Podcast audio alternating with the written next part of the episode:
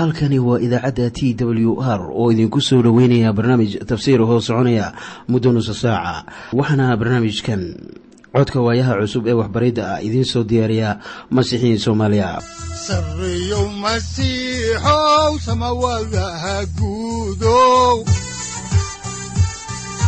Siraadkii adduunkow subanaha eebow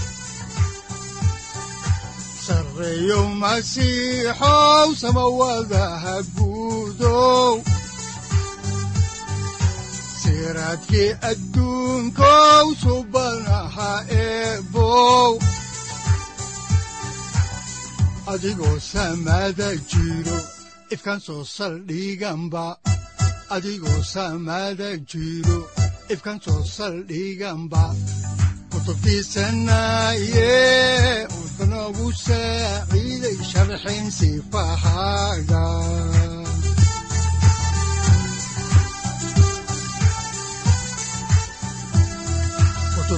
kutubtiisinayo ebanagu saaciid sharxin sifahaaga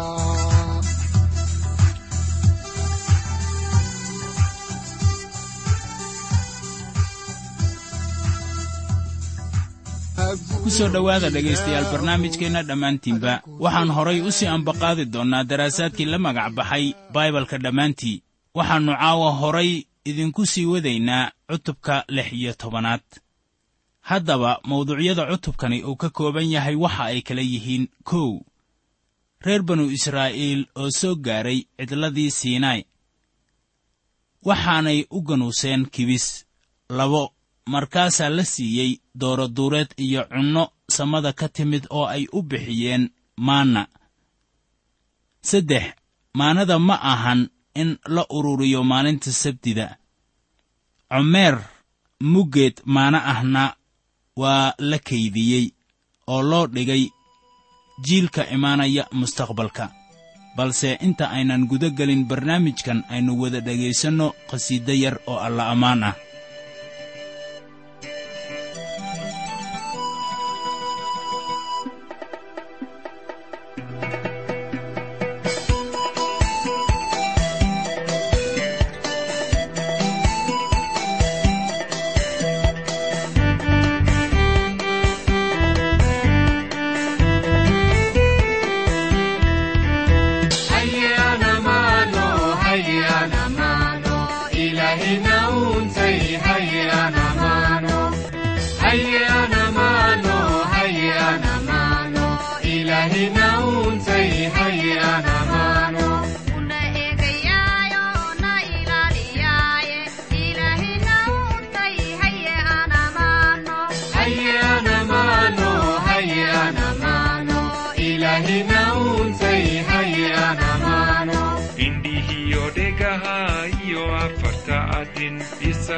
C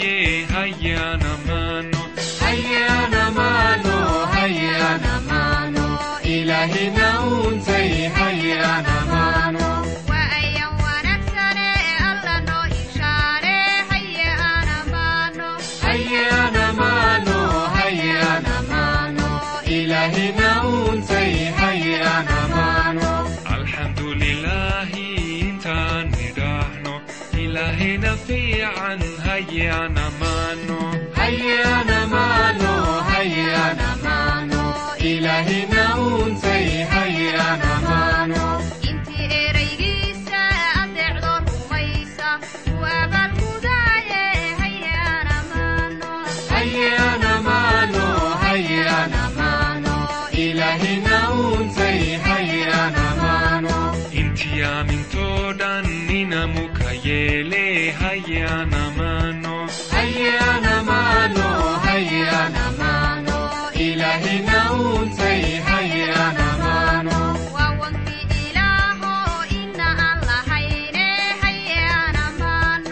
Iblis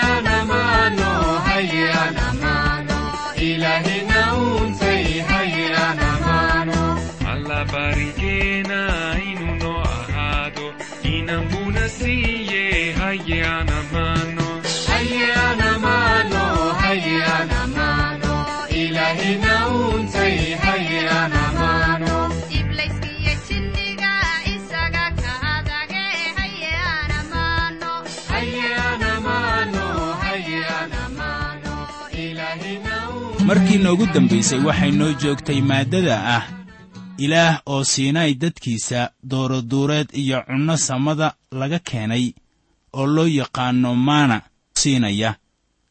Haddaba haddaan halkaasi ka sii ambaqaadno ayaannu u leexanaynaa haatan xigashada kitaabka oo waxaynu eegaynaa kitaabka labaad oo muuse oo loo yaqaanno baxniintii cutubka lix iyo tobanaad aayadaha afar ilaa toddoba oo leh markaasaa muuse rabbigu wuxuu ku yidhi bal eeg waxaan samada idinka soo dayn doonaa kibis oo dadku waa inay dibadda u baxaan oo maalin walba soo urursadaan in maalin ku filan si aan u tijaabiyo iyaga bal inay sharcigayga ku socdaan iyo in kale oo maalinta lixaad waa inay diyaarsadaan wixii ay soo gurteen kolkaasay noqon doontaa intii ay maalin walba gurayn jireen in labalaabkeed ah. Markaasaa muuse iyo haaruun waxay reer banu israa'iil oo dhan ku yidhaahdeen maqribka baad ogaan doontaan inuu rabbigu idinka soo bixiyey dalkii masar oo subaxdana waxaad arki doontaan ammaantii rabbiga waayo wuu maqlayaa gunuuskiinna aad rabbiga u gunuusaysaan muuse iyo haaruun waxay weyddiiyeen dadkii badnaa. Maxaad la gunuusaysaan? Innagu waxaynu nahay dad oo qura oo waxba ma samayn karayno oo welibana waxba idinma siin karno. Ilaah ayaa maqlay gunuuskiinna oo waxaad arki doontaan ammaanta ilaah. Mar waliba ee israa'iil ay gunuusto ammaanta ilaah ayaa muuqan jirtay waxaa tanu ay inoo sheegaysaa in ilaah aannu jeclayn gunuusidda dacwada iyo masiixiyiinta eed raadiska ah. Kiniisadda waxaa ka buuxa dacwada masiixiyiintu ay isdacwaynayaan haddii aad kiniisad ka tirsan tahay halkaasoo ay tahay inaad gunuusto oo aad mar waliba eed sheegato ayaa waxaa ku wanaagsan inaad isaga tagto kiniisadda caynkaas ah oo aad tagto meel kale. Haddaan dib ugu noqonno kitaabka ayaa waxaa ku qoran baxniintii cutubka lix iyo tobanaad aayadda siddeedaad sida tan. Markaasaa muuse wuxuu yidhi rabbigu maqribka wuxuu idin siin doonaa hilib aad cuntaan. Subaxdana wuxuu idin siin doonaa kibis aad ka dheregtaan maxaa yeelay rabbigu wuxuu maqlayaa gunuuskiinna aad isaga u gunuusaysaan. Bal maxaannu annagu nahay? Annaga noo gunuusi maysaane ee waxaad u gunuusaysaan rabbiga. Waa inaad haddaba ka foojignaataan marka aad dacwad oogaysaan taasoo aad kaga xun tihiin waxa ka dhacaya kiniisadda ma waxaad ka dacwoonaysaa wacdiyaha oo aan lahayn weji farxadeed taasoo adigu aad doonaysay. Mase waxaad ka gunuusaysaa inaannu axaddii la soo dhaafay ku salaamin. Mise waxaad ka xun tahay inaannu uu ku soo booqanin maalmahan. Ma waxaad ka gunuusaysaa oo doonaysaa waxa isaga ka gaar ah. Waxaad kaga soo hor jeeddaa miyaanay ahayn inuu hadallada ilaah dadka baro oo uu isaga ilaah matalayo. Mararka qaar innaga wacdiyayaasha ah waannu gunuusnaa. Markaana waa inaynu innaga oo dhan xaalkaasi ka feejignaannaa oo aanan ilaah ku gunuusin. Waayo guryanka iyo eeddu ilaah ma jecla innagoo halkaasi ka sii wadayna xigashada kitaabka ayaa waxaa ku qoran kitaabka baxnayntii cutubka lix iyo tobanaad aayadaha sagaal ilaa saddex iyo toban sida tan. Markaasaa muuse wuxuu haaruun ku yidhi shirka reer banu israa'iil oo dhan waxaad ku tidhaahdaa rabbiga hortiisa ku soo dhowaada waayo wuu maqlay gunuuskiinnii intii haaruun la hadlayey shirka reer banu israa'iil oo dhan waxay eegeen xaggii cidlada. Oo bal eeg ammaantii rabbiga ayaa daruurtii ka dhex muuqatay. Markaasaa rabbigu muuse la hadlay oo wuxuu isagii ku yidhi anigu waan maqlay gunuuskii reer banu israa'iil haddaba la hadal oo waxaad ku tidhaahdaa. Makhribka waxaad cuni doontaan hilib subaxdana waxaad ka dhergi doontaan kibis oo waad ogaan doontaan inaan anigu ahay rabbiga ilaahiinna ah oo waxaa dhacday in makhribkii digaagduur yimaadeen oo ay xeradii oo dhan qariyeen oo subaxdiina waxaa degmadii hareeraheeda ku soo degay sayax. Ilaah ma siinin reer banu israa'iil maanna oo keliya laakiin wuxuu kaloo u soo diray digaagduur xitaa. Waxay digaagduurka ku cunayeen maannada. Waxaana cunnada caynkaas ah ay noqonaysaa sida diyaafad oo kale amaba ka wanaagsan. Marka xaajadu halkan ay joogto ayaannu eegaynaa arrin kale. Waxaana weeye maaddada ah maannada oo la sharaxay oo la soo guranayo. Maanna waxay ahayd cunnadii reer banu israa'iil ay cuni jireen markii ay cidlada dhex socdeen haddaan dib ugu noqonno kitaabka labaad ee muuse oo la yidhaahdo baxniintii ayaa waxaa ku qoran cutubka lix iyo tobanaad aayadda afar iyo tobanaad ilaa aayadda lix iyo tobanaad sida tan. Oo markii sayixii soo degay baaba'ay. Ayaa waxaa dhulkii cidlada ku hadhay wax yar yar oo goobaaban oo lala eg sayax barafoobay. Oo markay reer banu israa'iil arkeen ayaa midkoodba kan kale ku yidhi maxay tahay? Waayo ma ay garanayn waxay tahay. Kolkaasaa muuse wuxuu iyagii ku yidhi tanu waa kibistii rabbigu uu idiin siiyey inaad cuntaan. Waxaanu waa wixii rabbigu uu idinku amray. Nin waliba ha ka gurto in cunnadiisa ugu filan. Inta dadkiinna tiradiisu ay tahay. Qofkiiba coomeer muggiis ha qaato oo nin waliba inta teendhadiisa joogta ha u qayb qaado. Waxay ahayd haddaba in israa'iiliyiintu ay in yar oo maanno ah oo ku filan maalintaas ay urursadaan.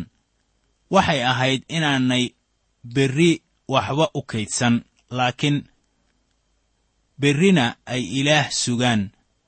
Haddaan halkii ka sii wadno ayaa waxaa ku qoran baxniintii cutubka lix iyo tobanaad aayadaha toddoba iyo toban ilaa siddeed iyo toban sida tan oo reer banu israa'iil sidaasay yeeleen oo qaarna wax badan buu soo gurtay qaarna wax yar oo markay coomeerkii ku qiyaasteen kii wax badan soo gurtay waxba kama harin kii wax yar soo gurtayna waxba kama dhinmin oo nin waliba in cuntadiisa ugu filan buu soo gurtay kuwii hunguriga weynaa ma ayan helin in ka badan intii ay cuni kareen.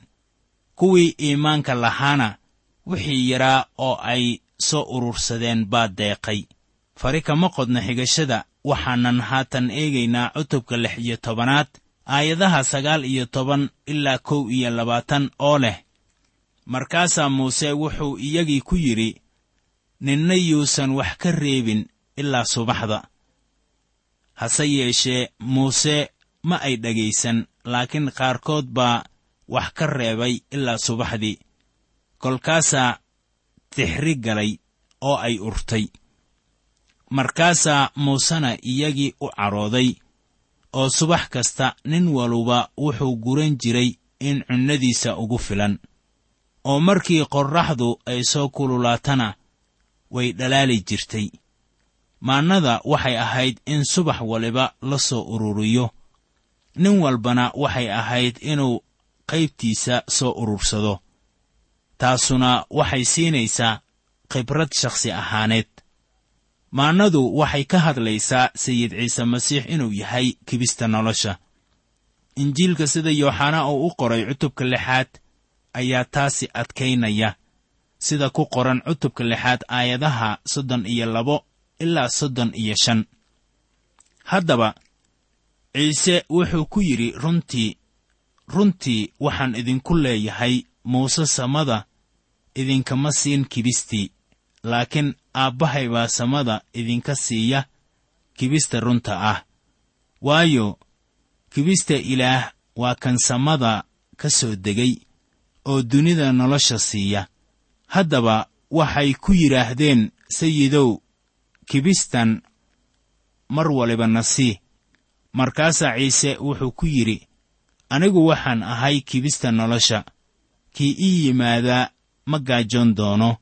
Haddaan taasi ku dhaafno wixii sayid ciise masiix uu yidhi oo ku qornaa injiilka sida yooxanaa uu u qoray ayaannu haatan dib ugu noqonaynaa kitaabkii labaad ee muuse oo la yidhaahdo baxnintii cutubka lix iyo tobanaad aayadaha laba iyo labaatan ilaa afar iyo labaatan oo waxaa ku qoran sida tan. Oo maalintii lixaad waxay soo gurteen kibistii hore labalaabkeeda qof waluba wuxuu soo gurtay laba comeer. Markaasaa taliyayaashii shirka oo dhammu intay u yimaadeen muuse ay u sheegeen kolkaasuu wuxuu iyagii ku yidhi waxaanu waa wixii rabbigu uu ku hadlay. Berri waa maalin weyn oo nasasho ah oo waa sabdi quduus u ah rabbiga. Wixii aad duban lahaydeen dubta oo wixii aad karin lahaydeen kariya oo wax alla wixii idin hadha meel dhigta oo ha idin yaalleen ilaa subaxda. Kolkaasay meel dhigteen ilaa subaxdii sidii muuse uu ku amray oo mana ay urin. Dixrina laguma arag. Ilaah wuxuu cunnadooda siinayaa maalin waliba. Laakiin maalinta jimcaha waxay ahayd inay urursadaan waxay laba maalmood cuni lahaayeen. Waayo howli jiri mayso maalintaa sabtida ah. Maannadu waxay u taagan tahay ama sheegaysaa in masiixu uu yahay kibista nolosha kaasaa ka yimid samada si uu nafsaddiisa ugu huro dunida. Ciise masiix waa kibista runta ah waana kan ina siiya nolosha iyo jeenanka jidhku uu u baahan yahay. Waxaa ku qoran kitaabkii shanaad ee muuse oo la yidhaahdo sharciga ku noqoshadiisa cutubka siddeedaad aayadda afraad in ilaa iyo wakhtigii reer banu israa'iil ay ku meermeeraysanayeen lamadegaanka inaanay cagtoodu baranin. Waxaa nin wadaad ah oo ka mid ah howlwadeenka masiixu uu ii sheegay in cagaha dadka deggan bariga ay u barari jireen iyadoo ay ugu wacan tahay cunno yaraan ama aan helin cunnada ay u baahan yihiin. Haddaba waa la yaab in maannada ay ku jireen fitamiiniska ka celinaya in cagahoodu ay bararaan marka ay dhex marayaan cidlada lamadegaanka ah. Maannada waxay daboolaysaa baahidooda oo dhan. Haatanna waxaa taa aan uga gudbaynaa maaddada ah in maalinta sabdida la siiyey israa'iil si ay u dhowraan haddaan xigashada kitaabka ku soo noqonno ayaa waxaa ku qoran kitaabka baxninta cutubka lix iyo tobanaad aayadaha shan iyo labaatan ilaa lix iyo labaatan. Sida tan. Markaasaa muuse wuxuu yidhi intan maanta cuna waayo maanta waa maalin sabdi u ah rabbiga oo maanta waxba duurka ka heli maysaan. Lix maalmood waa inaad soo gurataan laakiinse maalinta toddobaad waa sabtida oo maalintaas waxba ma jiri doonaan innaba. Maalinta sabdida ayaa la siiyey israa'iil ka hor intaan la siinin sharciga.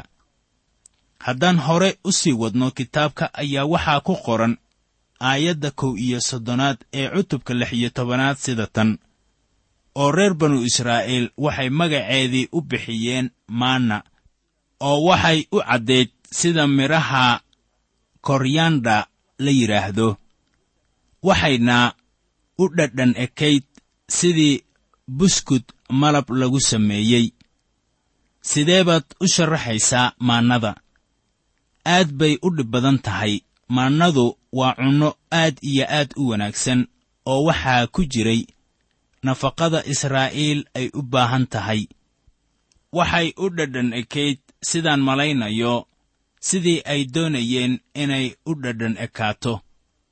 Waxay ahayd cunno aad u wacan laakiin dadkii badnaa oo isku darsanaa waxay bilaabeen inay cunnadaas ay cunayeen ka ganuusaan kitaabkii afaraad ee muuse oo la yidhaahda tirintii cutubka kow iyo tobanaad aayadaha afar ilaa shan ayaa waxaa ku qoran dhacdo inagu caawiyaysa inaan si hagaagsan u fahamno.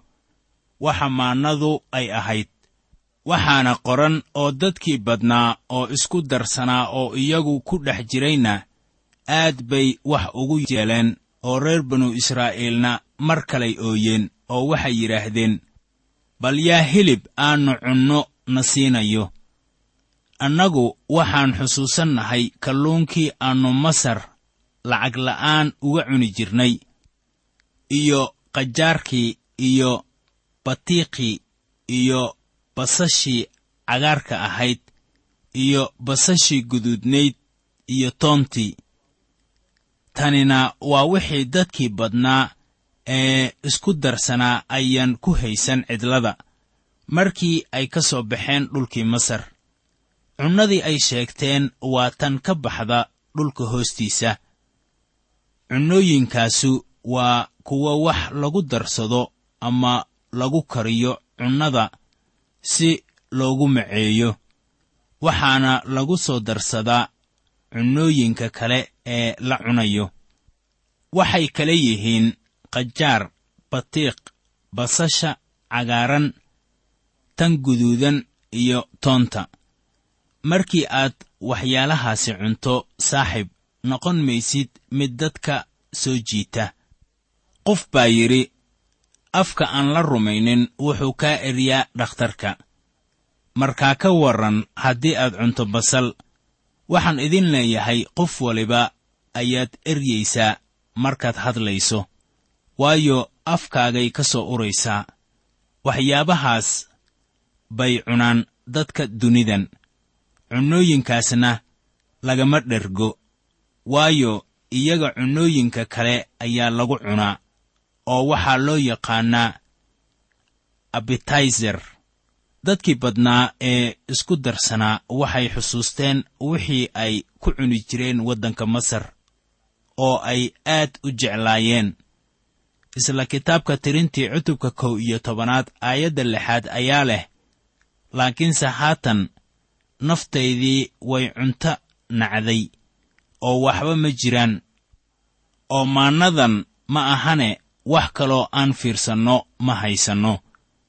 Waxay dood ka keeneen inaanay jirin wax kale oo la cuno.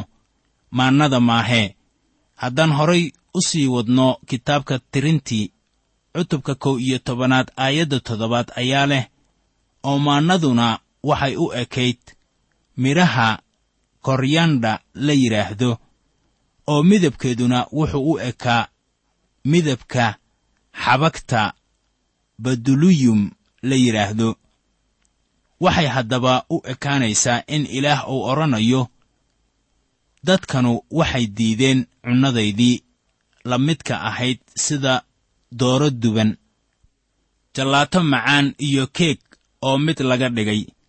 Maannadu ma ahan cunno mid ah laakiin dadkii badnaa oo isku darsanaa ma ayan doonayn. Kitaabka tirintii isla cutubka kow iyo tobanaad aayadda siddeedaad ayaa leh dadku way warwareegi jireen oo ay soo urursan jireen markaasay mixdin ku dhaqaajin jireen amase mooye ku tumi jireen oo dheryey ku karsan jireen oo muufo bay ka samaysan jireen oo dhadhankeeduna wuxuu ahaa sida dhadhanka wax saliid lagu sameeyey maannada waxyaabo kale ayaa lagu qasi karayey oo siyaabo badan ayaa loo isticmaali karayey. Way tumi kareen dubi kareen oo sida muufo oo kale ayay ka dhigi jireen. Haddaba carruurtii israa'iil waxay diideen cunnadii ilaah samada uu uga keenay oo waxay ka ganuunaceen inay cunaan. Way ku daaleen cunista maannada waxayna dhowrayeen dheryihii hilibka ahaa ee waddanka masar. Waxay doonayaan inay ku laabtaan wixii laga soo samato bixiyey. Waxaan taas la wadaagaa dadka qaar ee soo hanuunay oo laga soo samato bixiyey dembigoodii. Waxay dadkaasu mararka qaar u dhuuntaan waxyaabihii ay samayn jireen intaanay soo hanuunin oo masiix soo raacin. Waxaase jira masiixiyiin maanta kuwaasoo laga doonayo inay xidhiirka u jaraan noloshii hore. Saaxib ma ahan inaad u noolaato sida dunidan oo ma ahan inaad u noolaato waxyaabaha masar. Waana inaad u adeegto ilaah oo nabadda ilaah aad qalbigaaga ku haysato.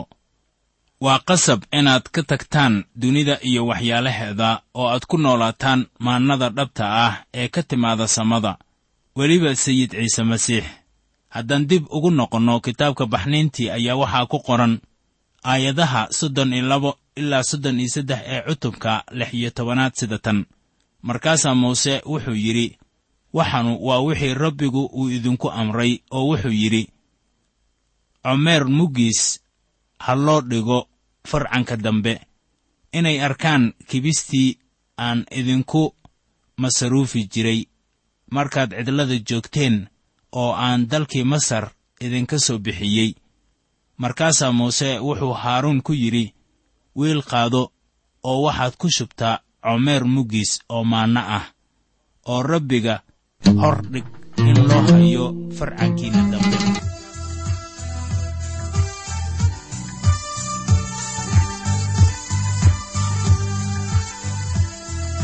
sarriyow masiixow samawadaha guudow siraadkii adduunkow subanaha eebow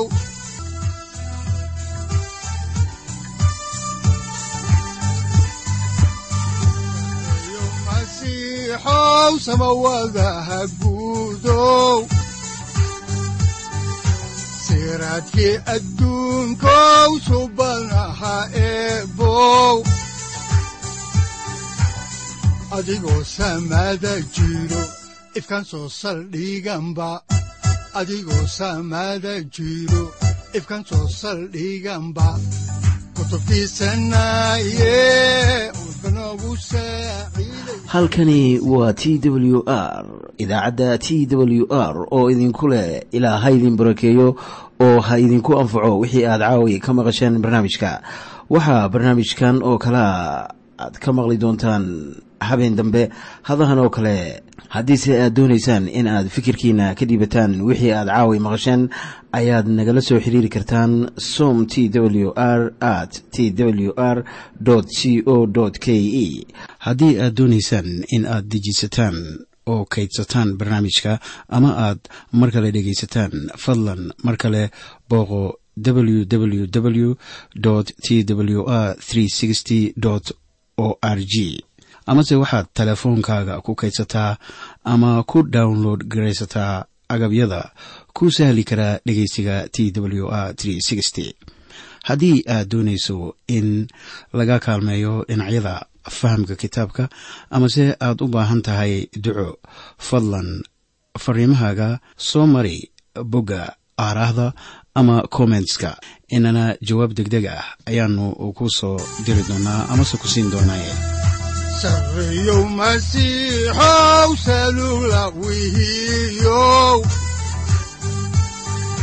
saacadda timid dhulka sabada ku dhalatiyo